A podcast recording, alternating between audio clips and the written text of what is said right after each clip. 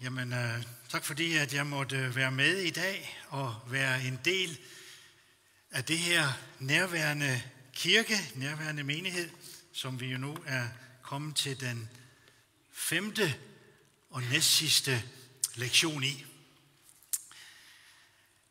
Jeg blev lidt betænkelig, da jeg kørte ind, fordi der kørte jo en masse tanker omkring den her forkyndelse. Det er jo sådan, når man skal prædike, så, så ligger der jo en masse tanker, der kommer og, og, og så videre. Og da jeg så kørte ind, så tænkte jeg, gisp, jeg har jo kun måske tre skriftsteder med i min forkyndelse i dag. Og så kom jeg til med forfærdelse at slå op i hæfte her og se Peters. Der var jo 17 skriftsteder her, så og jeg kan ikke huske, hvor mange Tommy havde. Øh, men så blev jeg alligevel lidt beroliget, så tænkte jeg, okay, Helion, der er simpelthen bare noget, du vil med det ene vers, som vi skal dykke ned i på et tidspunkt i dag, så, så sådan bliver det. Og øhm, ja,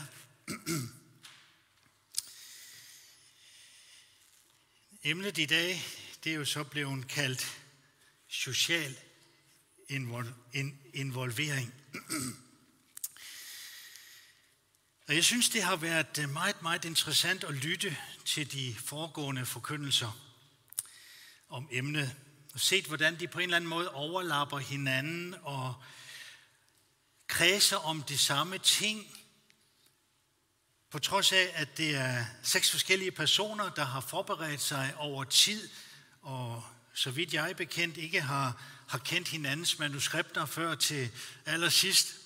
Og det er jo snart to måneder siden, hvor tingene skulle sendes ind, så der kunne blive lavet en bog og sådan noget, så det har fået lov til at ligge og lære også. Men øh, der har været en rød tråd igennem hele forkyndelsen, og det tror jeg skyldes Helligåndens inspiration. Og øh, på et tidspunkt ved en af forkyndelserne, det var det var da jeg lyttede til Karin Fribergs forkyndelse om menigheden og Kristel, den første menighed og sådan noget, så var jeg da egentlig bange for, at hun ligesom var ved at, at tage hele indholdet ud fra min forkyndelse, som jo handler om maduddeling og så videre også, blev der noget tilbage til mig. Øh, og så i går, så tog jeg mig den frimodighed lige og kigge Karins prædiken igennem igen. Øh, ja, det første, det var jo egentlig øh, Guds nærvær hvor Tommy prædiker om det, og menigheden drevet og ledt af Helligånden. Det var så det emne, som Karin havde, og nu står der 1329 derude bagved, og det ved I ikke hvorfor. Der står sådan, men det er fordi, at i løbet af 13 minutter, så nævner hun ordet Helligånden 29 gange. Meget markant. Det, det synes jeg var rigtig godt, og det var egentlig sådan, at det affødte et amen på et tidspunkt i gudstjenesten. Jo, det er på YouTube, man kan selv høre det. og Peter, der snakkede om de indre linjer i hvert fald, det som jeg lige fik fat i her, øh, og der var to øh, tråde der, drevet af kærlighed, og så også ordet omkring øh, tilgivelse var vigtigt. Og øh, sidste søndag hørte vi om fællesskab forvandlede hjerter, også hvor der var meget øh, aspekt på eller meget øh, vægtlægning på det med Helligånden, og gaverne skulle komme mere i funktion. Og, øh, og det var jo fantastisk, og så skal jeg i dag bare tale om det sociale aspekt. ja, men øh, jeg tænkte, at det var godt for os at øh, tænke på menighed som netop Kristi lame. Og det, som vi jo ved ud fra skriften, hvad der er sandt og godt, det er jo, at Jesus er hos faderen. Han er ved faderens højre hånd. Men vi er hans menighed, vi er hans kirke på jord, og i den forstand, så er vi også hans lame. Gennem hvem Jesus kan udtrykke sig. Og han kan fortsætte med at møde mennesker igennem os som så igen er fyldt med hans hellige ånd. Hans ånd, som bor i os. Jeg tror desværre ikke, at jeg kommer op på 29 gange, Karin, med Helion, men øh, han kommer med i dag og er med i dag. Fordi det er den måde, Jesus er i sin kirke på.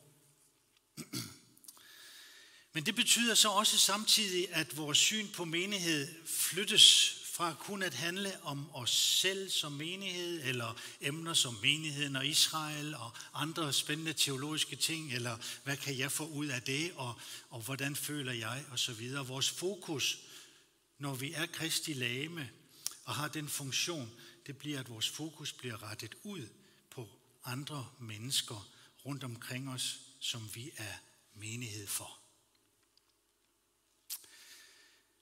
For Jesus har ikke blot købt os med sit blod for, at, at vi skal være sammen med ham, for at han kan hente os hjem til himlen en gang ved tidens ende, hvornår det sker.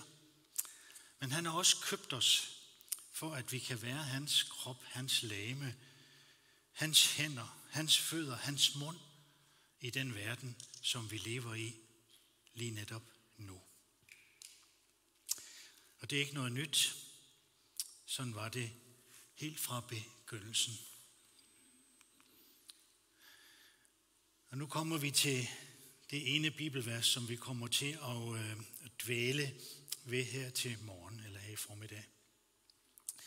Og det har jeg fundet fra den tidlige kirke, den første menighed. Apostlenes Gerninger, kapitel 2.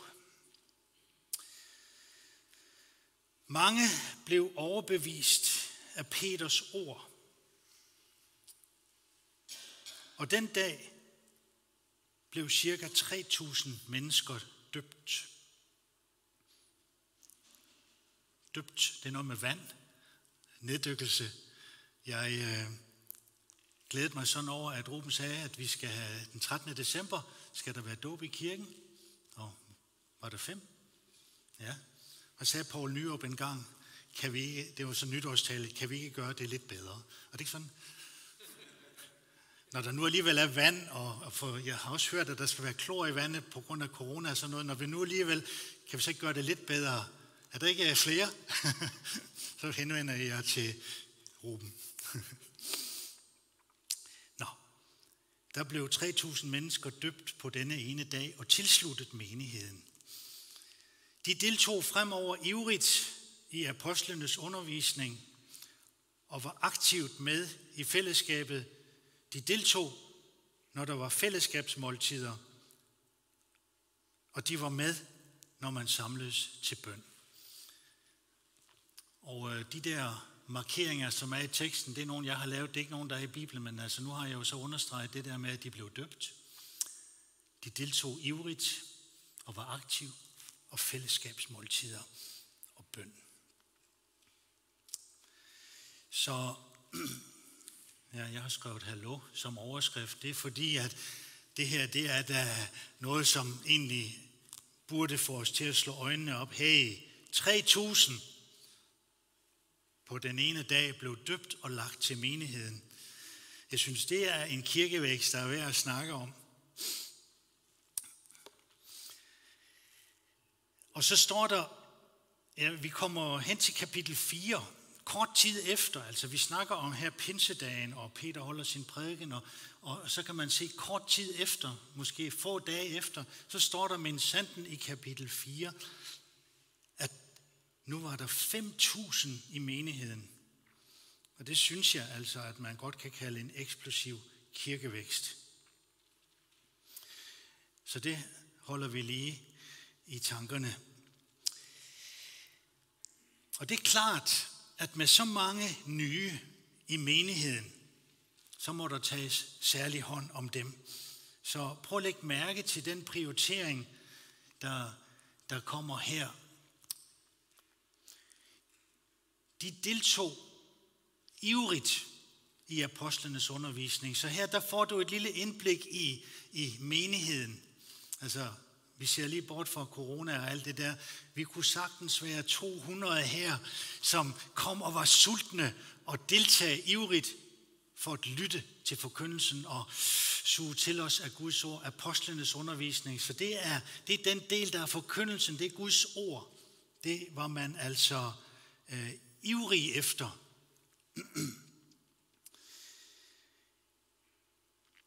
Og jeg tror, at den der begejstring, den handler om det nye liv, som de troende havde fået, da de mødte Jesus, og da de blev døbt, og da de kom ind i menigheden.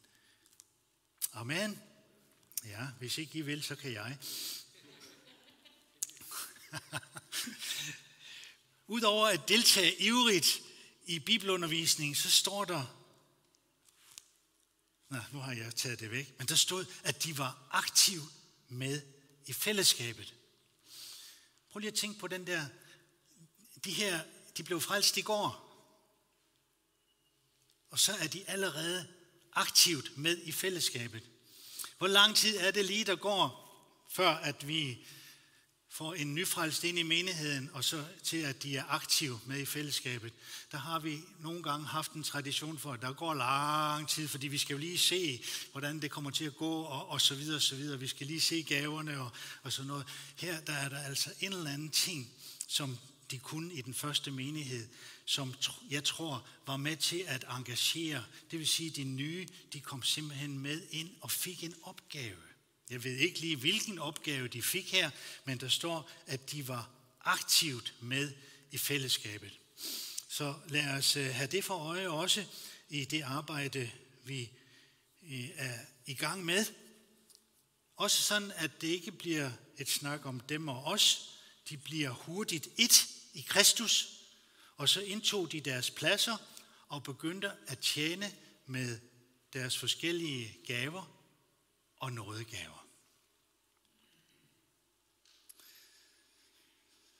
Og så kommer et af højdepunkterne her i det her vers. Ligesom det er i dag i øvrigt, øh, fællesspisning. Det er altid en succes. Og det ved jeg, fordi jeg har været pastor i en menighed, hvor vi havde fællesspisning en gang om måneden, og jeg skal sige, at det var en succes. Så øh, den giver vi lige videre til menighedsledelsen her. Fællesspisning er altid en sikker succes på, at fællesskabet det, det vokser og trives. Øhm, og det betyder ikke, at øh, pastoren og konen skal stå og lave mad til alle. Nej, det er man jo... Ja, amen, der kom der et amen. Det betyder, at alle bidrager, alle kommer med lidt, og pludselig så er der en velsignelse, og mangler der noget, så lægger Herren det til. Amen. Så den første menighed brugte tid og ressourcer til at spise sammen. Og så kan man sidde der og tænke, wow, det var da uordentligt. Der var ikke meget karismatik over det. Men det var en del af det, som bandt dem sammen. Uden mad og drikke, du og helten ikke. Og øh, der er jo andre, der har været ind omkring nogle af de ting her. Frelsens herres grundlægger, William Booth, han fik på et tidspunkt sagt, soup, soap and salvation. Så der var altså nogle ting, som han synes var vigtige. Det er ikke noget, som vi lægger så stor vægt på, i hvert fald ikke det med sæbe. Ja, nu er det jo i coronatiden. Ej, I, I dufter godt. Der er ikke noget der. Men, ja, øh, men der er oven i købet skrevet flere bøger omkring det her, men det fortæller noget om, om det sociale aspekt, som også var i, i hans tjeneste, og det som kendetegner øh, frelsens her i dag. Sæbe, mad og frelse. Og så det sidste, som vi bemærker fra apostlenes gerninger, det var bedemødet. Jeg har engang, da jeg var ganske ung, været til bedemøder her i kirken både her, men det var mest inde ved siden af. Og bedemøder, de foregik, de foregik på knæ. Der var undervisning, der var bibellæsning, og så var der bøn, og så var der bøn, og, og så var der bøn. Det var faktisk det, det gik ud på, at bede til Gud. Og øh, jeg synes, det er tankevækkende, at det også var en del af den første kirke, at der var bedemøder. Og øhm, det er jo faktisk sådan, at, at øh, bedemødet, tror jeg, at det ikke kun er behold, eller forbeholdt nogle ganske specielle ældre, hellige, en særlig, en særlig senioragtig klasse, som ligesom er kvalificeret til bedemøde. Bedemøde, det er for alle. Det var det også i den første menighed. Så alle de nyfrelste, de der 3.000 der, de kom, de kom til bedemøde. Jeg oplevede en gang øh, tilbage i 2000, jeg husker det endnu, det var 2008, jeg havde været på en, en rejse, jeg havde været i Kranak, jeg havde været væk fra menigheden i Nuuk i over 10 dage, øh, og kom endelig hjem, og flyverne var forsinket, som de altid er i Grønland, og øh, jeg havde bare sådan en længsel efter at komme hjem til menigheden. Jeg kom på en onsdag aften, hvor der skulle være bedemøde. Så, og, og det vil jeg gerne være med til, men jeg kom først ind med flyveren kl. 8, så bedemødet var allerede i gang, og og jeg skulle lige op og hilse på Ulla, og sådan noget. Så blev klokken jo halv ni, den blev næsten ni, og så tænkte jeg, nu er det for sent, nu er bedemødet nok slut, men jeg gik ned, og så lukkede jeg op ind til kirken, og ved I hvad, så står der 80 mennesker i den lille menighed i Grønland, og lovpriser Jesus, og lovsang var fuld gang.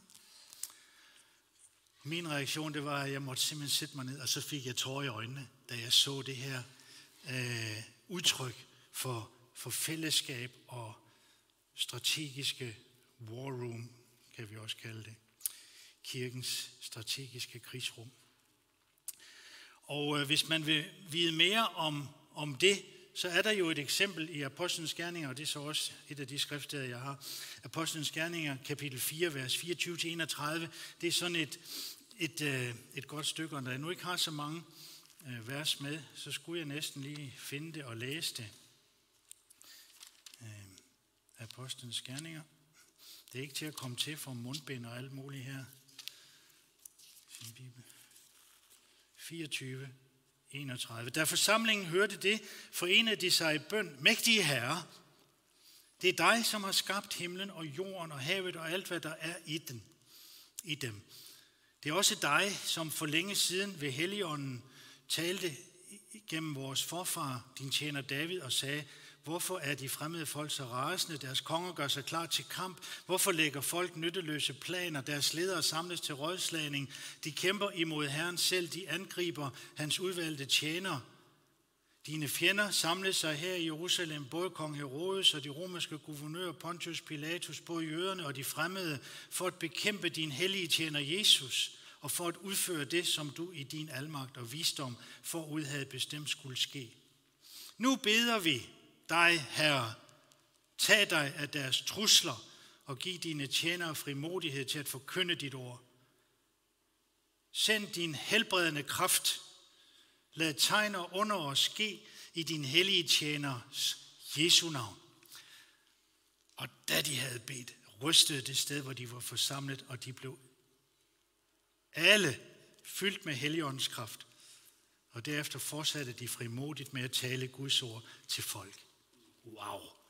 Altså, det var et bedemøde. Det var sådan et bedemøde, jeg rigtig godt gad være med til. Ja. Jeg ved ikke, om bygningen her kan holde, men altså i Guds nåde, så skal det nok blive stående. Det kan være, der falder lidt pus ned, men det er så også, hvad det er. Det kan komme op igen.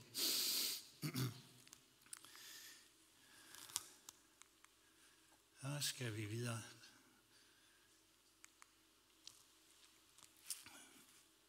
Nå. Det, som var, var helt centralt i menigheden, som jeg så har været inde på, det var undervisningen, det var fællesskabet, det var fællesskabsmåltiderne, og det var bønden. Og da de var vigtige for den første menighed, så er de også vigtige for os. Og, og det, der er interessant her i Apostlenes Gerninger, det er, hvad fører det til, at menigheden var på den måde. Det står der i, i Apostlenes Gerninger, i slutningen af kapitel 2, så står der, alle i byen blev grebet af ærefrygt. Pengene blev delt ud til dem, der havde størst behov. De var vældigt af alle mennesker.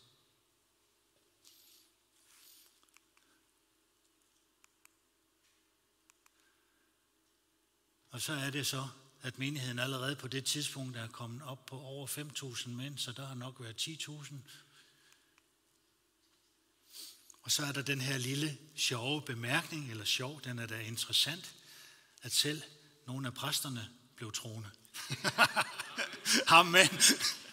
ja, så der, der var jo de jødiske præster. okay, ja, jeg citerer skriften rigtigt, ikke?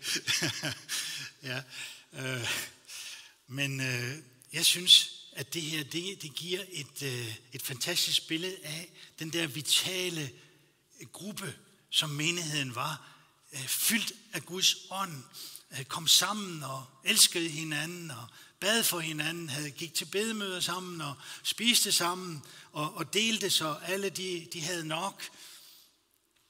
De blev vældigt af alle mennesker. Og byen, den blev grebet.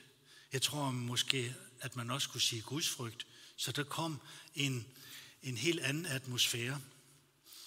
Og da jeg læste det her, Ruben, nu bliver vi lidt personlige, fordi vi havde en meget dyb samtale forleden, vi kørte i bil øh, og snakkede om, om jeg troede, at øh, vi sådan kunne ændre på tingene omkring os. Kan du huske det? Og jeg var sådan lidt, ja, men det gør jeg. jeg tror på, at menigheden kan ændre på tingene, også i det omgivende samfund, også i, i den by, vi bor i, og i de sammenhænge, vi er i. Ja. Så det var en, øh, en voldsom kirkevækst, som vi så her.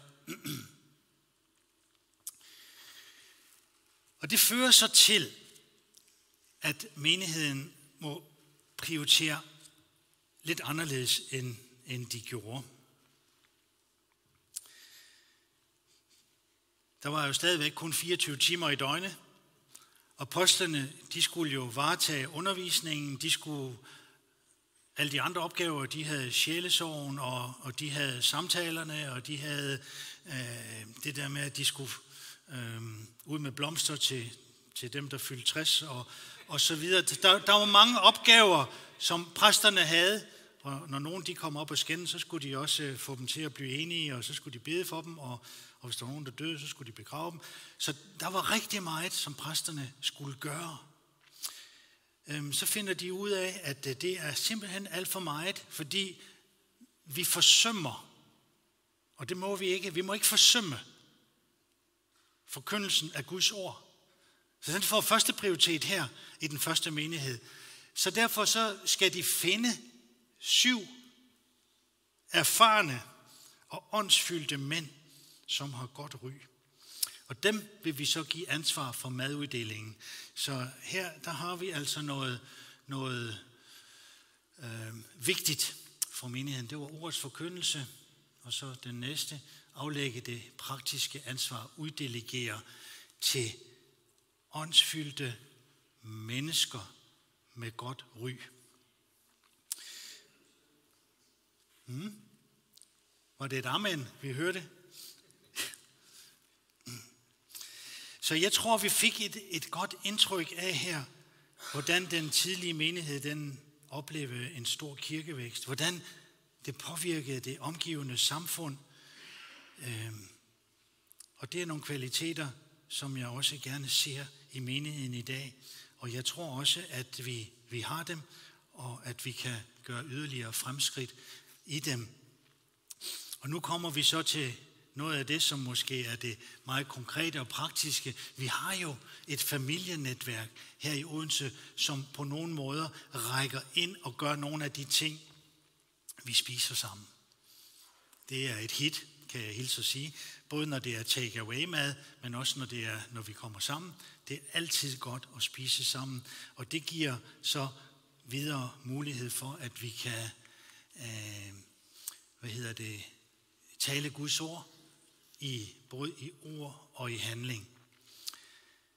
Men ligesom den første menighed lagde stor vægt på, at dem, der skulle tjene ved bordene, dem, der skulle stå for maduddelingen, de skulle være fyldt af den hellige ånd, så er det også vigtigt, at, øh, at vi er alle fyldt af den hellige ånd og familienetværket og alt, hvad vi gør i menigheden, i børnearbejde osv., det er 100% helligånds drevet. Og der skal være fokus på ordets forkyndelse, både i, i ord og i gerning. Og så bliver der også plads til tegn og under, fordi det er en, en del, som der var i den første menighed. Det er en del, der er i vores menighed i dag, fordi Helligånden er fyldt med tegn og under. Han er underfuld, fuld af under. Nogle gange har vi brug for at vende ordene lidt rundt, for at virkelig forstå, hvad de betyder. Så jeg tror, at man var sig meget bevidst den her Helligånds dimension i apostlenes tid. Og man havde som kriterier, når man, når man skulle finde nogen til at varetage nogle tjenester. Vi skal finde nogen til at stå nede ved døren. Vi skal have en helligåndsfyldt person. Ja? Intet mindre. Intet mindre. Ej, jeg kan godt blive lidt personlig, selvom det bliver strime. Jeg håber, at de tilgiver mig, dem jeg sigter til nu. For nogle år siden så ringede min datter til mig og sagde, at hun var blevet forelsket. Og hvad, hvad var min første reaktion? I kan næsten gætte det. Er han fyldt med helligånden? og det er så vigtigt, at den dimension, den er i vores, i vores liv. Men det var også vigtigt, den anden del der, der stod, så vi kigger efter, når vi ser på tjenester, så ser vi efter Helligåndens virke i menneskers liv, er man fyldt med den hellige ånd, og så ser man efter integritet. Man ser efter det der, det gode ry. For det nytter jo ikke, at man, øh, man har en masse dårlige historier med sig. Dem skal man i hvert fald se at komme af med. Fordi at når man tjener Herren, så bliver det også set op til en. Når man er i en menighed, så forpligter det. Øh, Gud er en øh, hellig Gud. Så vores liv, de taler. Og mange gange taler vores liv mere end vores ord. Så det er nogle vigtige ting, vi har med at gøre her. Så jeg tror, at det her det vil føre til en, en rigtig god og sund kirkevækst. Der er en masse udfordringer i det. Dem kan vi så løbende tage hånd om, i takt med, at vi bliver flere og flere. Amen.